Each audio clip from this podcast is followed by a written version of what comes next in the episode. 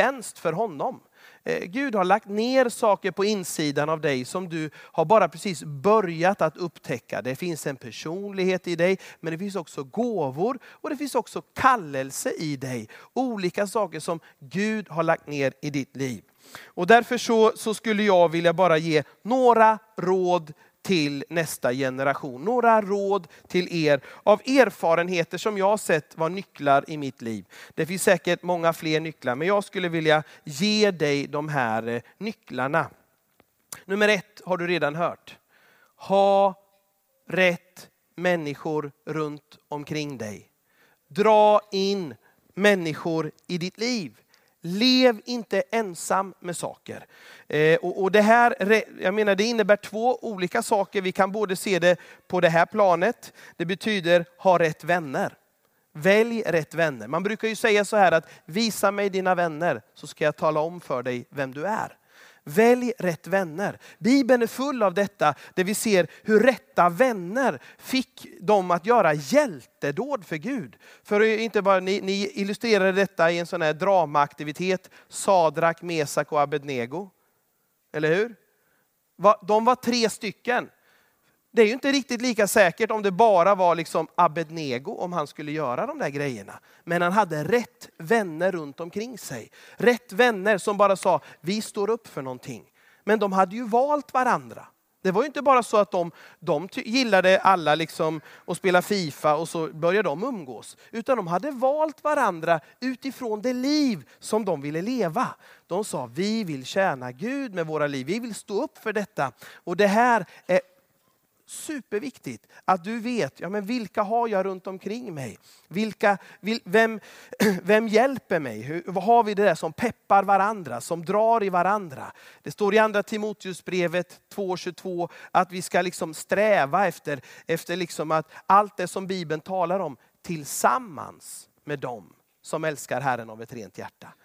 Och det står, det, det, står faktiskt riktat till just en ung generation, till unga människor. Jag tror det gäller alla, men inte minst dig som är ung. Det har med kursen att göra, vart det är på väg någonstans. Se till att ha rätta förebilder och rätta vänner. Så om vi säger det rätta vänner, det ena. Den andra är ju det här med förebilder, med, med sådana som har gått före. Att lyssna på dem som har gått före. I Ordspråksboken 18.1 så står det att, att dåren går sin egen väg. Han vill bara hitta på saker själv. Och, och, och, han vill inte dra in någon, utan han vill bara liksom Alltså lära sig allt av liksom negativa erfarenheter. Du vet det finns de som har gått före och gjort rätt och gjort fel. Och om du bara kan lyssna in dem och dra in dem i ditt liv. Eh, jag menar, då kan de få betjäna dig hur mycket som helst. En förebild det är inte någon som kommer till dig och säger åt dig vad du ska göra. Utan det är ett bollplank som du väljer. För du ser att jag behöver ha något utanför mig själv nu. För vad som är rätt och vad jag ska göra. Det är två helt olika saker att se på det. Du behöver rätta förebilder. Varför? För du klarar det inte själv. Det finns ingen i den här lokalen som klarar sig själva. Du, du, du kom inte till den här världen själv. Utan du behövde människor, dina föräldrar, för att du skulle komma till den här världen. Och du behövde Gud för att liksom bli den du skulle bli. Eh, du, behöver du, du klarade inte själv att hantera livet och alla saker du går igenom där. Du klarade inte själv, själv i att börja upptäcka vandringen med Jesus och fortsätta växa vidare. Utan du behöver någon där. Du behöver någon att bli av med begränsningar, att få bolla saker som är svårt i, i ditt inre. Och, och, och det här är, är liksom hur viktigt som helst, att du väljer det. Det står så här faktiskt i Ordspråksboken 4 och 1. Lyssna till din fars förmaning. Nu börjar alla fäder och mumla lite och säga amen här inne. Nu. Lyssna till din fars förmaning. Kan alla pappor säga amen? Amen. Det står så här, ta vara på den så att du får förstånd. Lyssna på din fars förmaning. Ta vara på den så att du får förstånd. Och, och, och, det här har ju liksom, det är ju mer att det finns alltså ledarskap och förebilder. Det är ju ett form av föräldraskap. Det är ju det det handlar om. Sådana som har gått före, sådana som bryr sig och finns där. Men det är också någon du behöver ge plats för i ditt hjärta. Vi kan stänga våra hjärtan och leva isolerat själv. Och så kan vi öppna våra hjärtan för att se, jag behöver någon mer. Punkt nummer ett, rätta människor i ditt liv. Och alla sa? Amen. Punkt nummer två Någonting också som jag såg, oj vilken nyckel det blev för min tillväxt, för mognad, för utveckling. Det här hittar du i Apostlagärningarna 2 och 41 och 42. Det står det om de första som kom till tro. Det står att de döptes och så ökade antalet lärjungar den dagen med omkring 3000. Och så står det i vers 42, de höll troget fast vid församlingen. De höll troget fast vid församlingen. Jag har skrivit som punkt nummer två, bli en del av församlingen. Och är det inte här, ja men då har du en annan församling. Bli en del av den församling. Som, vi, som jag sa till er ute på konfirmationslägret, gå inte på möten bara. Gå inte bara till kyrkan, bli kyrkan. Bli den. Och då kanske du säger, men jag är i kyrkan, jag är ju kristen och född på nytt. Ja, men du behöver bli den lokala församlingen också. Det behöver bli på riktigt. Eh, alla tjejer, det räcker inte med att ni är Kristi brud, ni ska bli någons brud också en dag. Det konkretiseras någonstans, där, där, när ni får gifta er någon gång. Och där får man överlåta sig och där får man ge sig. Bli en medarbetare. Du vet, det är så lätt att, att församlingen blir ett fritidsintresse. Ja, men jag går dit för kyrka, där har jag varit hela min uppväxt och så blir det ett fritidsintresse. Men det Gud säger, nu kan du börja välja något annat i ditt hjärta. Du kan själv välja att bli en medarbetare om du vill. Jag upptäckte när jag gav mig till församlingen att vad var det egentligen jag klev in i? När jag började plantera mig där och började överlåta mig där. Då insåg jag att jag hade placerat mig i ett växthus. Det var ju det som hände. Helt plötsligt så började jag växa, jag började göra nya saker som jag aldrig hade gjort innan. Jag började spränga gränser och, och saker som var tufft var inte tufft längre. Varför då? För jag gav mig till församlingen. Och jag visste att, ja, men, som vi sa där ute på lägret, församlingen är Kristi kropp. Och det räcker inte med att ha en hand som ligger borta någonstans, utan handen hör till kroppen och kroppen hör till handen. Det är så det liksom är tanken är.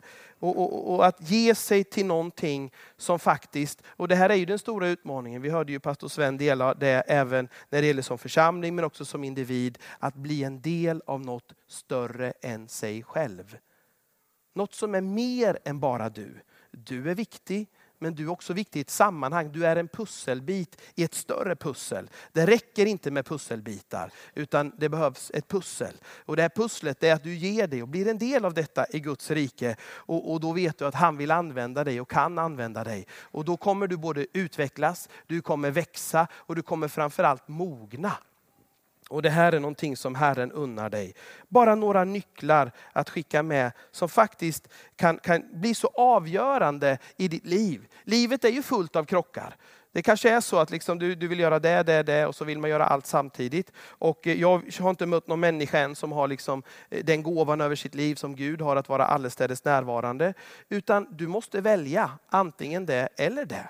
Och just de där livsvalen i ditt liv, när du gör dem, eh, det är då du bygger din karaktär. Det är då du bygger upp din integritet, vem du är. Eh, och du, du bygger upp någonting på insidan som faktiskt Gud också kan använda. Om han räknar med dig så vill han ju också att du ska liksom finnas på plats, att du ska vara eh, liksom tillgänglig. Och var inte rädd för att ta ansvar. Var inte rädd för att ta ansvar, utan se ansvar som ett underbart träningsredskap. Ett underbart sätt att få utvecklas. Ett underbart sätt där du kan upptäcka vad Gud har lagt ner för kallelse och, och, och, och liksom, eh, gåvor i ditt liv.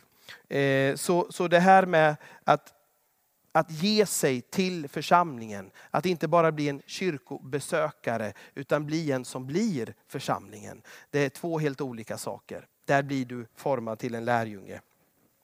Så nummer ett var rätta förebilder rätta människor i ditt liv. Både när det gäller vänner men också när det gäller sådana som har gått före. Och dra in dem, ge dem plats i ditt hjärta. Nummer två är håll troget fast vid församlingen. Bli en del av det. Ge dig där.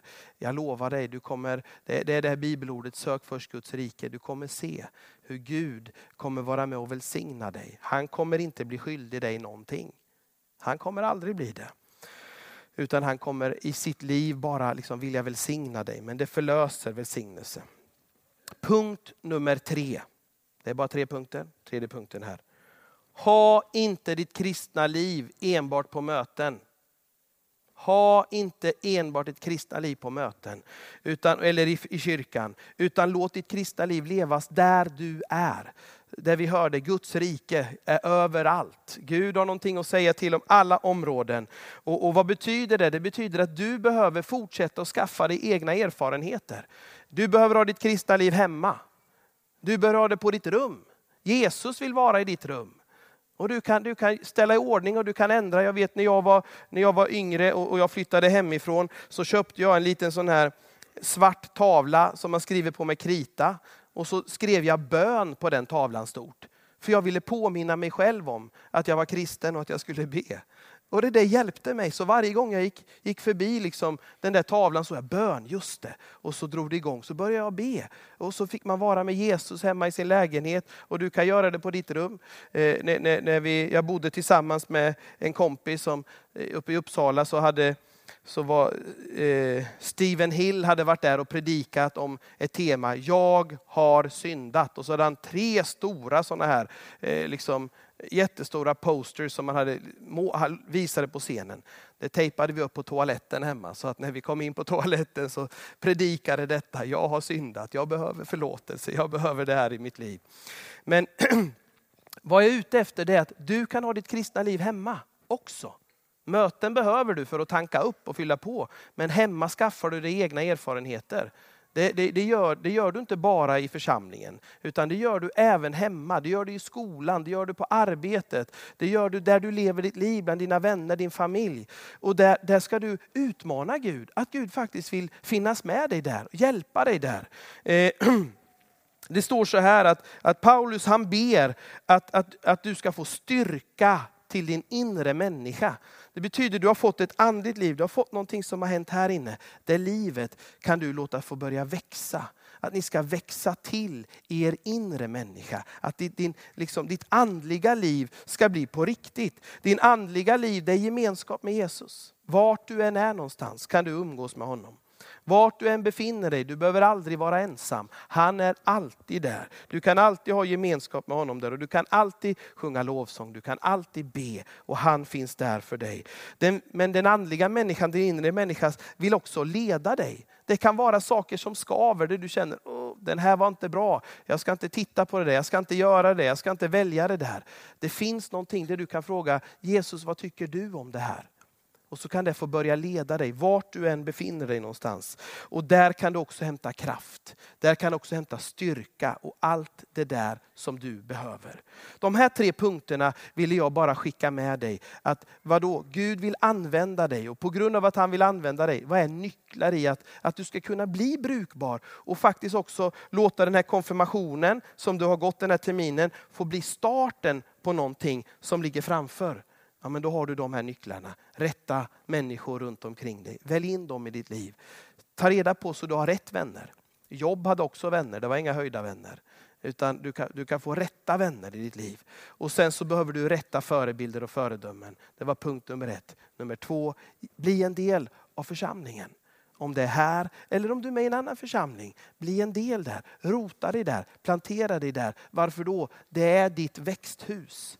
Där ska du få växa. Där, där kommer du få utvecklas och blomma. Och nummer tre, ha inte ditt kristna liv enbart på möten. Utan se till att bygga den där platsen hemma. Ditt hem är din borg, står det i Bibeln. Låt det få bli en plats där du och Jesus får vara tillsammans. Där du gör egna erfarenheter hemma. Du är i skolan, du är med någon vän.